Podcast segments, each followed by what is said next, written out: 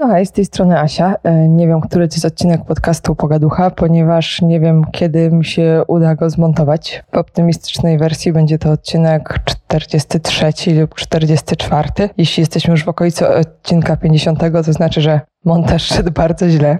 Jakiś czas temu na Instagramie zadałam pytanie, znaczy tak rzuciłam temat, że może byśmy sobie porozmawiali na temat mastermindów. Mogłabym powiedzieć kilka słów w tym temacie i zapytałam, co byście chcieli o tym wiedzieć. No i wtedy rozdzwoniły się telefony.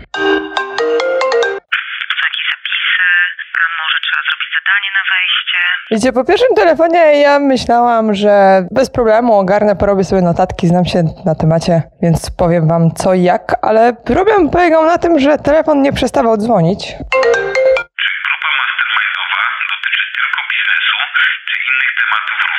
No i dzwonił dalej.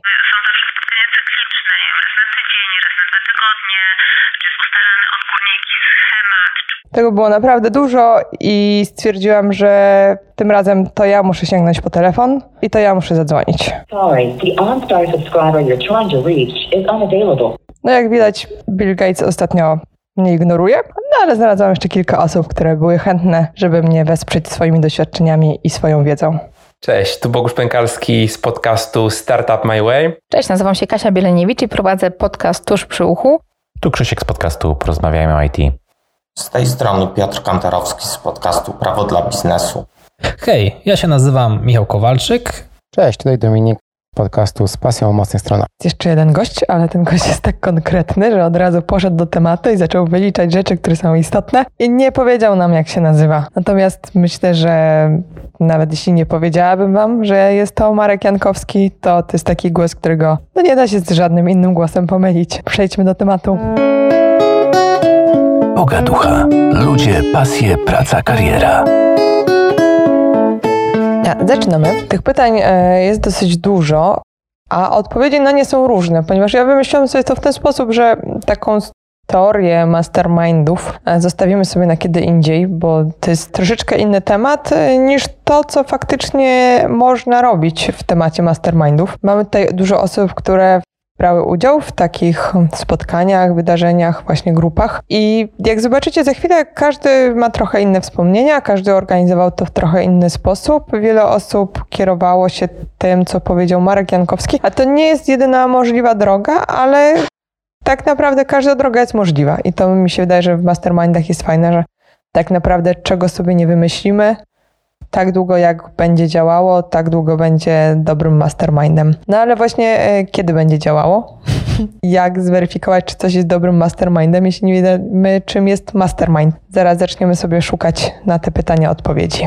Cześć, jestem Daga. Od dawna nurtuje mnie pytanie, co zrobić, aby dostać się do takiej grupy, jak nie zna się nikogo, sąsiadem nie jest influencer, ani nikt mógłby nas zaprosić do takiej grupy. Są jakieś zapisy, a może trzeba zrobić zadanie na wejście, kupić bilet wstępu. Gdzie szukać? Jak dobrać? No właśnie jak? Zobaczmy, jak to wyglądało u Michała. Grupę stworzyliśmy na Facebooku, to znaczy mm, napisałem na jednej z facebookowych grup, że chciałbym wziąć udział w takim mastermindzie. Tam jedna z osób mnie dołapała, miała już znalezione trzy pozostałe osoby i razem w piątkę utworzyliśmy takiego masterminda. Ale czy jest jakaś szansa, że ktoś zrobi to za nas, czy sami musimy szukać członków naszej grupy? Na to pytanie poszukamy odpowiedzi razem z Boguszem. Okoliczności powstania grupy są dosyć ciekawe, ponieważ wszyscy, każdy z naszej czwórki mastermindowej był wtedy w jakiś sposób związany z taką postacią jak Mirek Burnejko, vloger, przedsiębiorca.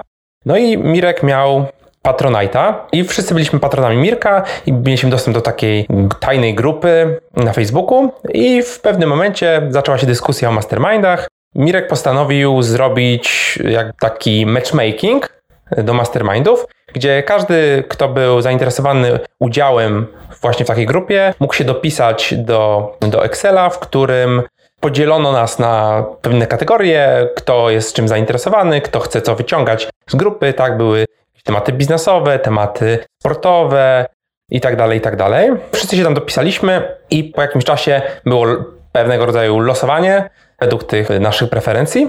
Okazało się, że nasza czwórka się zebrała i zaczęliśmy się spotykać. Mamy więc już przykłady dwóch grup, które powstały przy pomocy internetu, ale pytanie, czy możemy to zrobić w staromodnym stylu.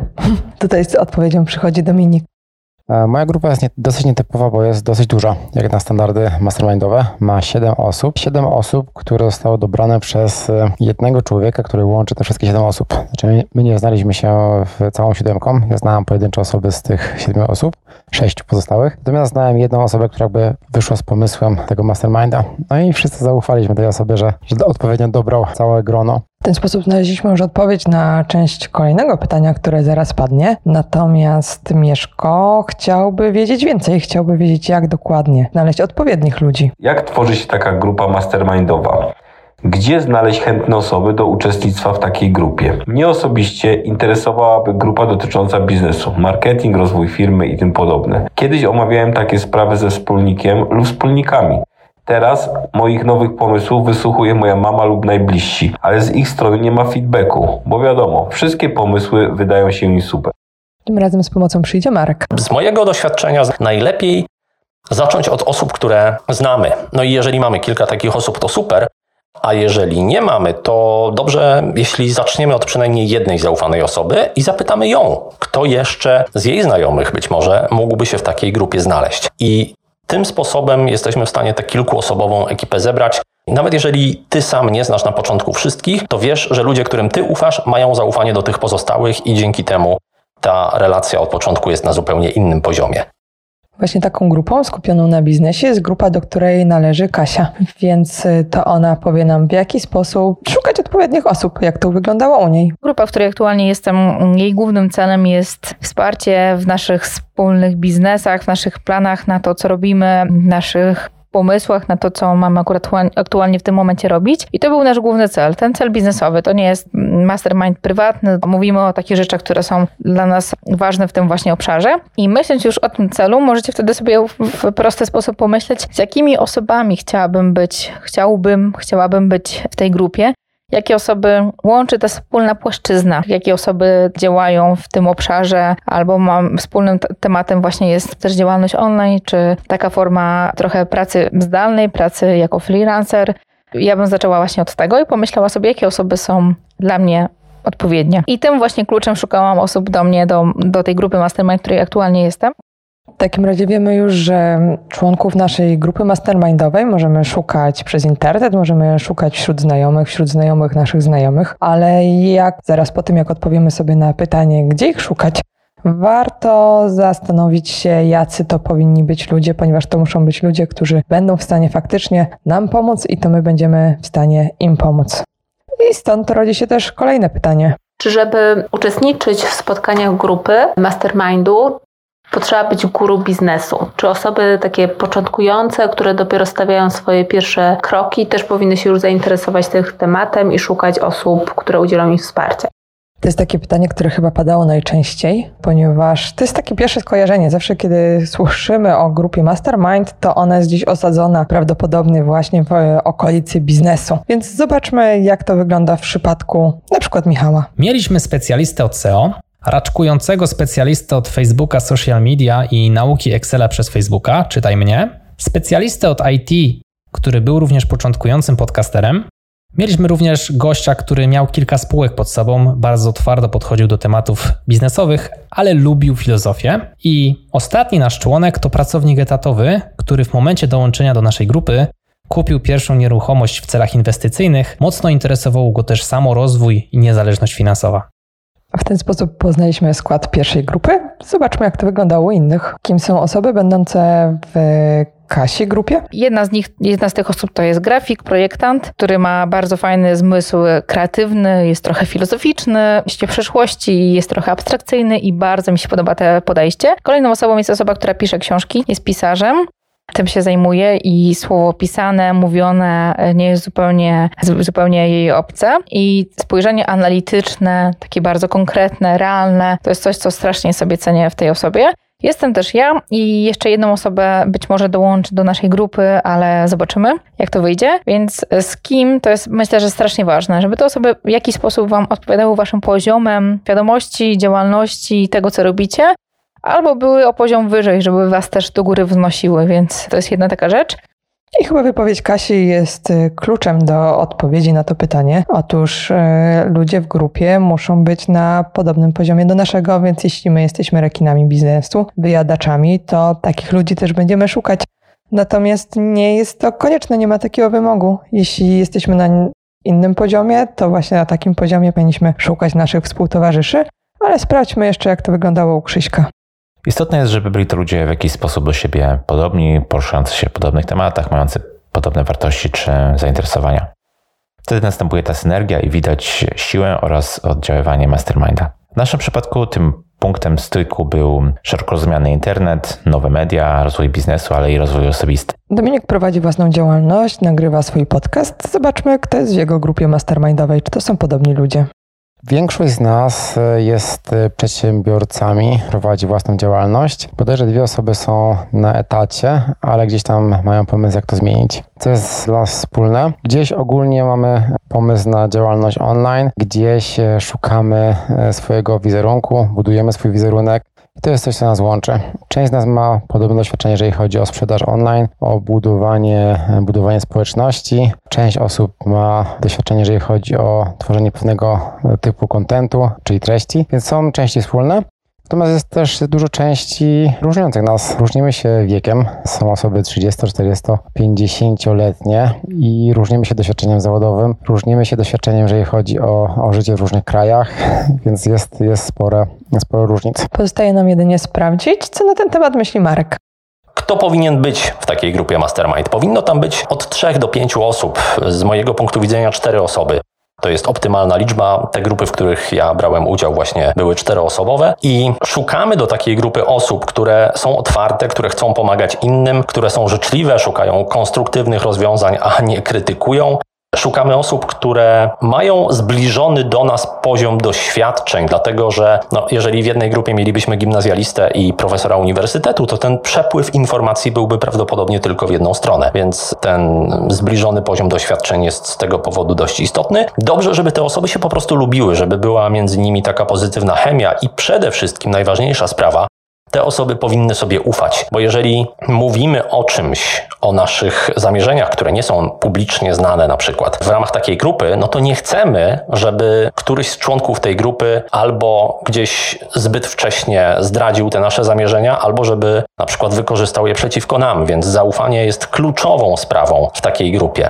No więc podsumujmy, ponieważ tych tematów e, kilka już poruszyliśmy. Po pierwsze, mamy problem częściowo rozwiązany z tym, gdzie i jak szukać innych uczestników grupy mastermindowej. Potem zastanawialiśmy się, jacy dokładnie to powinni być ludzie, czyli żeby oni byli na podobnym poziomie, żeby oni gdzieś obracali się w podobnych kręgach, biznesach, byli na podobnym etapie życia, a potem doszliśmy do etapu, w którym jeszcze musimy zweryfikować, czy ci ludzie są godni zaufania, czy to są ludzie, z którymi faktycznie chcemy dzielić nasze przemyślenia, nasze pomysły. Będziemy jeszcze o tym mówić, a teraz posłuchajmy innego pytania. Jakie są sprawdzone formuły? Ilość, częstotliwość? Jak długo trwa takie spotkanie? Gdzie takie osoby się spotykają? Wiadomo, można wszędzie ale praktycznie, jeśli ktoś już brał udział w takich mastermindach, to jak to wyglądało? Tym razem na samym początku dowiemy się, co w tym temacie na ten temat myśli Marek Jankowski, a potem dowiemy się, jak to wygląda w praktyce. Grupa Mastermind spotykać się powinna regularnie. To może być co tydzień, co dwa tygodnie, co miesiąc, no raczej nie częściej niż co tydzień, ale ta częstotliwość właśnie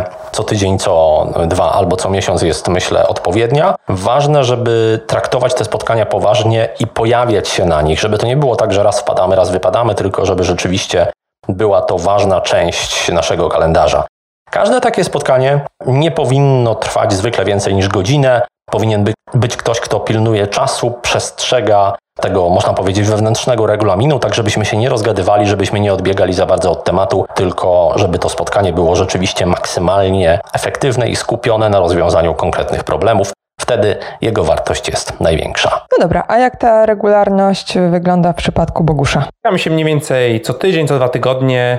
Skype'ie od godziny do dwóch godzin trwają nasze sesje. Oczywiście nie zawsze wszyscy są na miejscu, czasem będą to trzy osoby, czasem jesteśmy w czwórkę, czasem spotykamy się tylko we dwóch. Dodatkowo mamy jeszcze taką grupę na Facebooku właśnie dla naszej czwórki. Jeżeli się nie spotykamy, to, to czasami staramy się ogarnąć to asynchronicznie.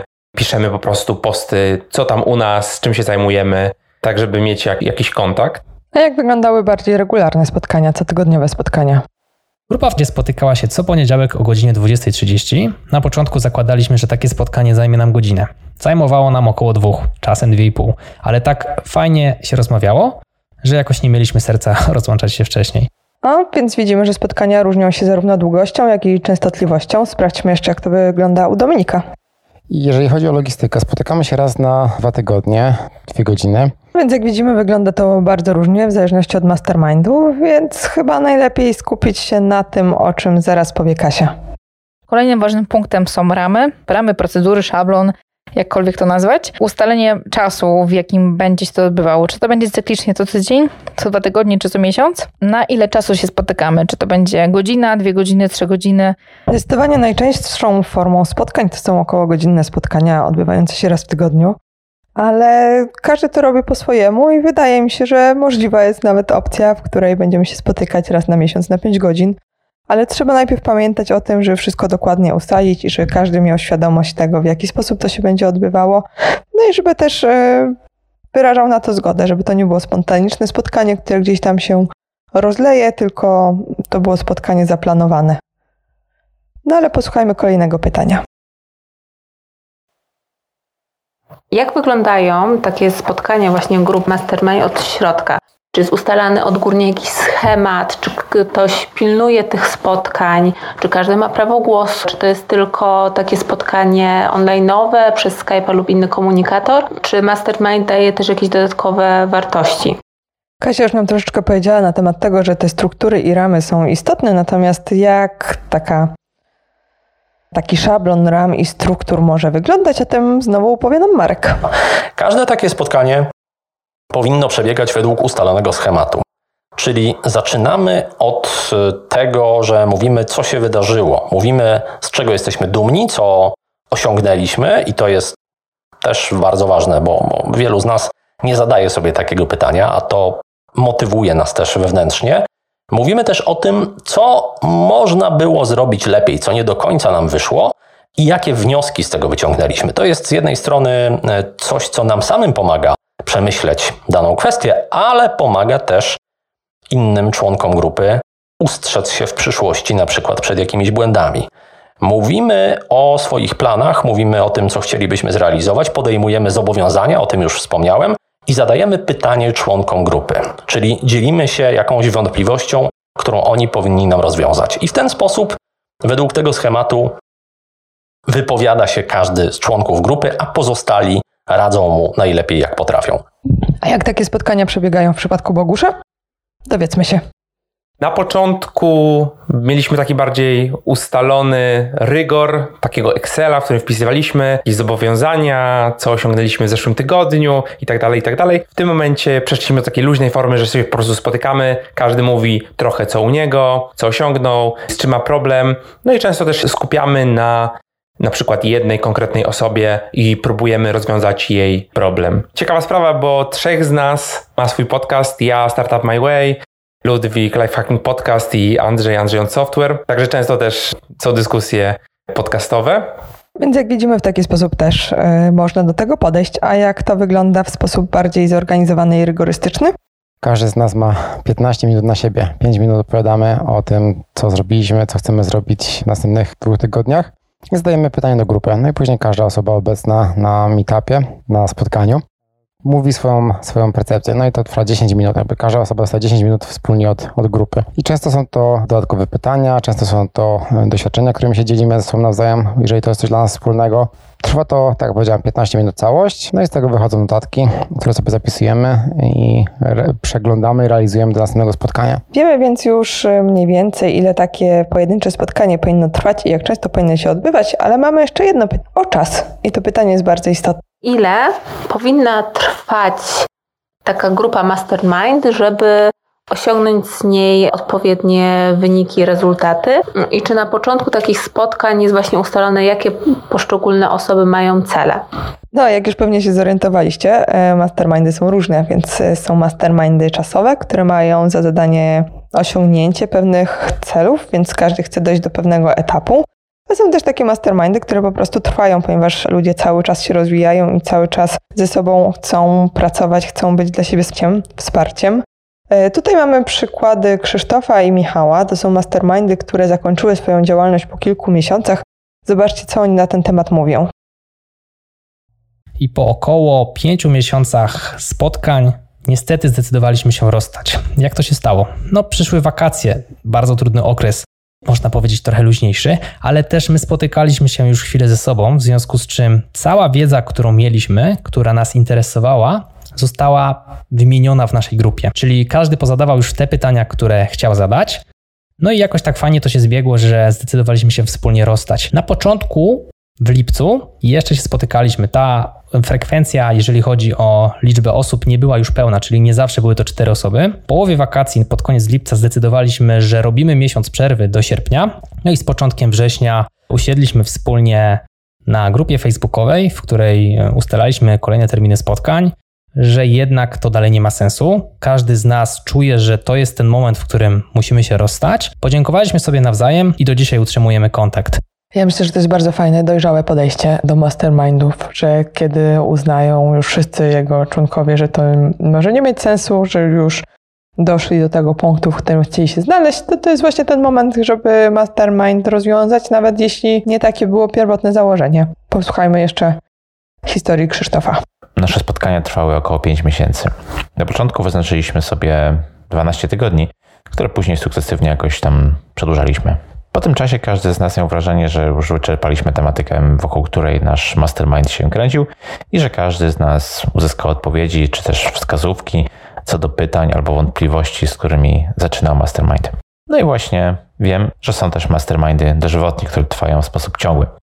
Nasz był tego drugiego typu. Wiemy więc już e, co, gdzie i jak i z kim. Natomiast zostaje najważniejsze pytanie, po co? Po co tak naprawdę poświęcać swój czas na to, żeby spotykać się z jakąś grupą często obcych nam osób i rozmawiać na temat naszych biznesów? Co nam to daje? Taka grupa Mastermind naprawdę jest bardzo fajnym, bardzo fajną taką odskocznią od codziennego życia, codziennych problemów. Można po prostu pogadać na luzie, można się po prostu pochwalić wszystkim bez poczucia, że no, jesteśmy jak, jakimiś chwalipiętami i po prostu możemy to bezkarnie zrobić. Każdy nas poklepie po ramieniu i jest to, jest to fajna rzecz, że tak możemy jakby bezkarnie coś takiego zrobić.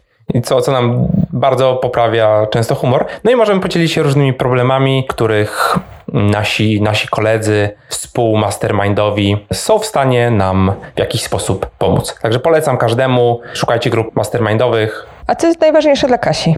Dla mnie istotnym elementem są dwie rzeczy. Szczerość, żeby mówić sobie po prostu wprost, co uważamy, żeby móc ocenić e, pozytywnie albo negatywnie jakieś rzecz, wyrazić swoje zdanie, bo to jest myślę, że bardzo fajne. Dużo lepiej jest jakiś temat przegadać i zostać skrytykowanym w takiej bezpiecznej atmosferze, dużo bardziej niż jeżeli to będzie publicznie gdzieś zrobione, wypuszczony produkt, który nie był zupełnie przetestowany, nikt o nim nie wyraził jeszcze zdania i zrobić to publicznie. Więc e, szczerość jest dla mnie bardzo, bardzo, bardzo ważna. A druga rzecz to ja bym chciała się czuć bezpiecznie w takiej grupie. To, że jeżeli coś mówimy w grupie, e, mówimy w tym zespole, to też nigdzie to nie wychodzi, nie wycieka. Szczególnie jeżeli rozmawiacie o rzeczach, które mają się wydarzyć, które są e, być może w jakiś sposób innowacyjne, są czymś, czego jeszcze ktoś inny nie zrobił, albo też są jakimś fajnym waszym autorskim pomysłem. E, warto, żeby to zostało w tej grupie i czy też obawy, czy wasze pomysły, czy też inne rzeczy, mm, żeby to nie wyciekło poza grupę. I to myślę, że to jest bardzo ważna zasada. Myśląc o tym... Marek znajduje aż trzy korzyści wynikające z tego typu spotkań. Pierwsza korzyść to jest wymiana doświadczeń. Bardzo możliwe, że jeżeli masz jakiś problem i rozmawiasz o nim z innymi, to ci inni ludzie albo mieli podobny problem i jakoś go rozwiązali, albo mieli inny problem, ale ich doświadczenia mogą w jakiś sposób cię ukierunkować. I to pozwala ci odkryć różne rozwiązania, uniknąć różnych błędów, które w przeciwnym razie, gdybyś nie rozmawiał o tym z innymi, mógłbyś popełnić. Drugi plus to jest możliwość spojrzenia z boku. Kiedy my sami coś robimy, jesteśmy w to zaangażowani, jesteśmy z tym związani emocjonalnie, Czasami widzimy drzewo, a nie widzimy lasu. Rozmowa z innymi osobami pomaga spojrzeć szerzej na dany problem i dostrzec rozwiązania, które nam samym nie wpadłyby do głowy. Trzeci plus to jest motywacja. Podczas takich spotkań zobowiązujemy się też do pewnych działań, i kiedy zobowiążemy się tylko przed sobą, no to samemu sobie bardzo łatwo wystawić usprawiedliwienie. Ale jeżeli obiecamy coś innym, czy zadeklarujemy się, że coś zrobimy, to wtedy czujemy się dużo bardziej zobligowani do tego, żeby rzeczywiście mm, no, wykonać te czynności, te działania, które zadeklarowaliśmy. A czy Michał, którego mastermind już się zakończył cały czas, poleca takie spotkania? Czy zrobiłby to znowu? Czy uważasz, że to ma sens? Czy polecam mm, cały projekt mastermindów? Jest świetny. To znaczy, jeżeli dobierzemy sobie osoby, tak jak to było w naszym wypadku, z różnych dziedzin, one mają inne punkty wyjścia i inne perspektywy patrzenia na nasze pytania i na nasze problemy. Taka burza mózgów naprawdę pozwala pootwierać kilka klepek w naszej głowie. Mój biznes odpalił naprawdę mega. Najbardziej namacalnym przykładem, takim wręcz cyfrowym, ja uczę Excela, więc cyfry są mi bardzo bliskie, była sprzedaż mojego pierwszego kursu. Po jednym z mastermindów chłopaki zrobili mi rewizję mojego landing page'a i po wdrożeniu propozycji, które dostałem na mastermindzie, na drugi dzień moja sprzedaż skoczyła dwójpółkrotnie. Od tego momentu normalnie na wykresie dalej było widać, że sprzedaż kursu faktycznie podskoczyła do góry. Także dla mnie mastermind był olbrzymią wartością dodaną i taką namacalną, materialną, jak również taką miękką, czyli po prostu poznanie mega ciekawych osób. Także polecam Tobie grupy Mastermind, spróbuj koniecznie. Pozdrawiam Cię serdecznie. Dzięki. Poszło bardzo dużo informacji na temat tego, dlaczego mastermindy są wartościowe, dlaczego są dla nas rozwijające, dlaczego powinniśmy brać w nich udział. No i brzmi to wyśmienicie, rosnące sprzedaż wyśmienicie, miejsce, w którym możemy się otworzyć również zachęca, ale czy takie rozwiązanie ma jakieś wady? Czy może znajdujemy jakieś mankamenty? Czy może na naszej drodze pojawią się jakieś pułapki, które warto brać pod uwagę? Bardzo się cieszę, że kilkoro z podcasterów również takimi refleksjami się podzieliło. Zobaczmy. Czy jedna taka przestroga w ramach pierwszego mastermindu, w którym byłem, była taka sytuacja, jakoś mierzi mnie to do tej pory. Jeżeli wyszłoby tak, że stworzycie grupę mastermind, ale po jednym czy po dwóch spotkaniach stwierdzicie, że to nie to, powiedzcie to po prostu pozostałym członkom grupy, a na pewno już nie róbcie w ten sposób, że przestajecie się pojawiać i przestajecie się odzywać do pozostałych osób, które może jest tak, że dobraliście dość yy, przypadkowo w tym znaczeniu, że nie znaliście się wcześniej, więc łatwo jest się nie odzywać do tak poznanych osób. Na pewno polecam założenie grupy Mastermind, tylko przemyślenie tego, z kim jest kluczowe w tym temacie. Bardzo się cieszę, że Piotr postanowił się podzielić również takim niefortunnym doświadczeniem związanym z mastermindami. I myślę, że warto to brać pod uwagę, jeśli na naszej ścieżce różnych prób mastermindowych trafimy do takiej grupy, która nam nie odpowiada, no to już pomijając zwykły szacunek do pozostałych grupowiczy, żeby z nimi się skontaktować, też warto czasem z takiej grupy odejść, powiedzieć po prostu, że no niestety nie czujemy się tam dobrze, może to nie jest ta grupa, w której powinniśmy być, zamiast kwić w czymś na siłę. No bo to nie o to chodzi, żeby marnować swój czas, chodzi o to, żeby coś zyskać i dać też coś innym. Na koniec mamy jeszcze przemyślenia Dominika, który grupy bardzo poleca i zachwala, natomiast tak jak mówią na początku, jego grupa jest dosyć duża, więc zobaczmy, jakie z tym mogą się wiązać problemy. Co nie działa przy takiej dużej grupie? Po pierwsze, jest bardzo ciężko, żeby wszystkie 7 osób było na spotkaniu. 7 osób to jest całkiem spora e, gromadka, żeby zgromadzić w jednym czasie, zwłaszcza jeżeli mamy swoich klientów, spotkania i tak dalej. Trudne jest też to, że utrzymać uwagę przez dwie godziny to nie jest takie proste. E, więc to jest wyzwanie. I trudne też jest to, że to trwa dwie godziny, więc naprawdę trzeba dać wysoki priorytet temu spotkaniu i żeby nie, nie włożyć wtedy jakiegoś spotkania z klientem lub czegoś, na czym bezpośrednio zarabiamy pieniędzmi. I fakt obecności na tym spotkaniu jest takim papierkiem lakmusowym tego, jak ktoś jest zmotywowany, żeby uczestniczyć, uczestniczyć w mastermindzie. My też też tak to traktujemy. Jeżeli komuś zależy, no to na takim spotkaniu jest. Mm. I e, po kilku e, spotkaniach, kilkunastu spotkaniach, ja już wiem, że dla mnie to jest trochę za duże grono E, czuję się bardziej swobodnie, kiedy to jest e, grono 3-4 osób. Mieliśmy kilka spotkań, kiedy większość osób nie mogła przyjść na takie spotkanie mastermindu. No i okazało się, że była zupełnie inna dynamika. Te duże spotkania też były fajne, natomiast te mniejsze e, dawały dużo więcej wartości, przynajmniej dla mnie, dla mnie samego. No ja zorientowałem się, że do tej pory miałem też taki swój własny typ masterminda.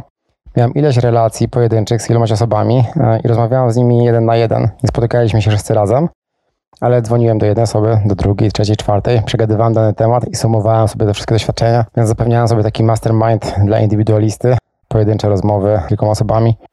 Wydaje mi się, że żeby to działało, naprawdę musimy zapewnić sobie taką pełną intymność i zaufanie w tej grupie. Dla mnie osobiście dużo łatwiej się to buduje w relacji jeden na jeden lub w mniejszych grupach, więc to też jest jakby taki wyznacznik, czy mastermind jest dla nas, czy nie.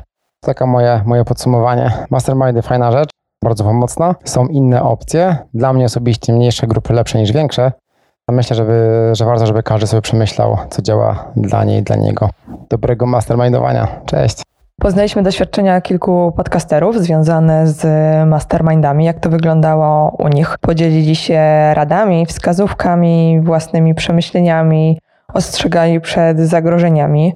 Myślę, że nie ma sensu już więcej opowiadać. Ja wrócę do tematu, podzielę się z Wami też informacjami, tak jak już powiedziałam, na temat tego, jak to się może odbywać. Ponieważ padały też fajne pytania, których tutaj nie zawarłam, na temat tego, kto takie mastermindy może prowadzić, czy to jest jakoś regulowane, ile to może kosztować. I owszem, takie mastermindy też istnieją, istnieją w Polsce, istnieją za granicą i odbywają się troszeczkę inaczej. Tutaj mieliśmy takie mastermindy, w których osoby biorące udział mogły być moderatorami, mogły być organizatorami, no ale cały czas y, w tym uczestniczyły. Jest też taki model, w którym moderator po prostu, no tak jak nazwa wskazuje, moderuje takim spotkaniem. Wtedy jest to y, zazwyczaj osoba, która po prostu bierze za to pieniądze, ma w tym doświadczenie. Takie mastermindy też są i jak to wszystko wygląda, będziemy rozmawiać następnym razem.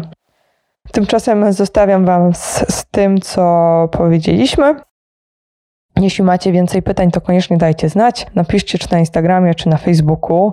Ja serdecznie dziękuję wszystkim, którzy zdecydowali się mi pomóc, zdecydowali się nagrać swoje przemyślenia, więc dziękuję Dominikowi Juszczykowi, Markowi Jankowskiemu, Kasi Bieleniewicz, dziękuję też Boguszowi Pękalskiemu, dziękuję też Michałowi Kowalczykowi, dziękuję również Krzysztofowi Kępińskiemu i, i Piotrowi Kantorowskiemu. Najbardziej dziękuję słuchaczom, ponieważ, że wam powiem, jak to wyglądało. Wyglądało to w ten sposób, że oczywiście, że nikt do mnie nie dzwonił, nikt pytań nie nagrywał, tylko po prostu te pytania dostawałam na Instagramie w formie pisemnej. Niestety ja nie jestem w stanie wam pokazać, znaczy niestety, po prostu nie jestem w stanie wam pokazać w podcaście screenów z zapytań z Instagrama. No to poprosiłam wszystkie osoby, które aktywnie brały udział w zadawaniu pytań o to, żeby mi takie pytania nagrały. To było dla nich bardzo stresujące czasami, bo to nie są podcasterzy, to są ludzie, którzy obserwują mnie na Instagramie. Tym bardziej dziękuję, że odważyli się te pytania nagrać i je do mnie przesłać. To było szalenie pomocne, więc pozdrawiam serdecznie. Nie wiem, czy te osoby wyraziły zgodę na publikację ich ników oraz ich imion, więc nie wymienię ich tutaj wszystkich. Część imion padła, no ale y, jeśli dostanę zgodę, to naturalnie, że te osoby zostaną na stronie internetowej podlinkowane, bo dzięki nim ten odcinek powstał. Okej, okay, czas się rozejść. Dziękuję bardzo. To by było na tyle. Kolejny odcinek już za tydzień.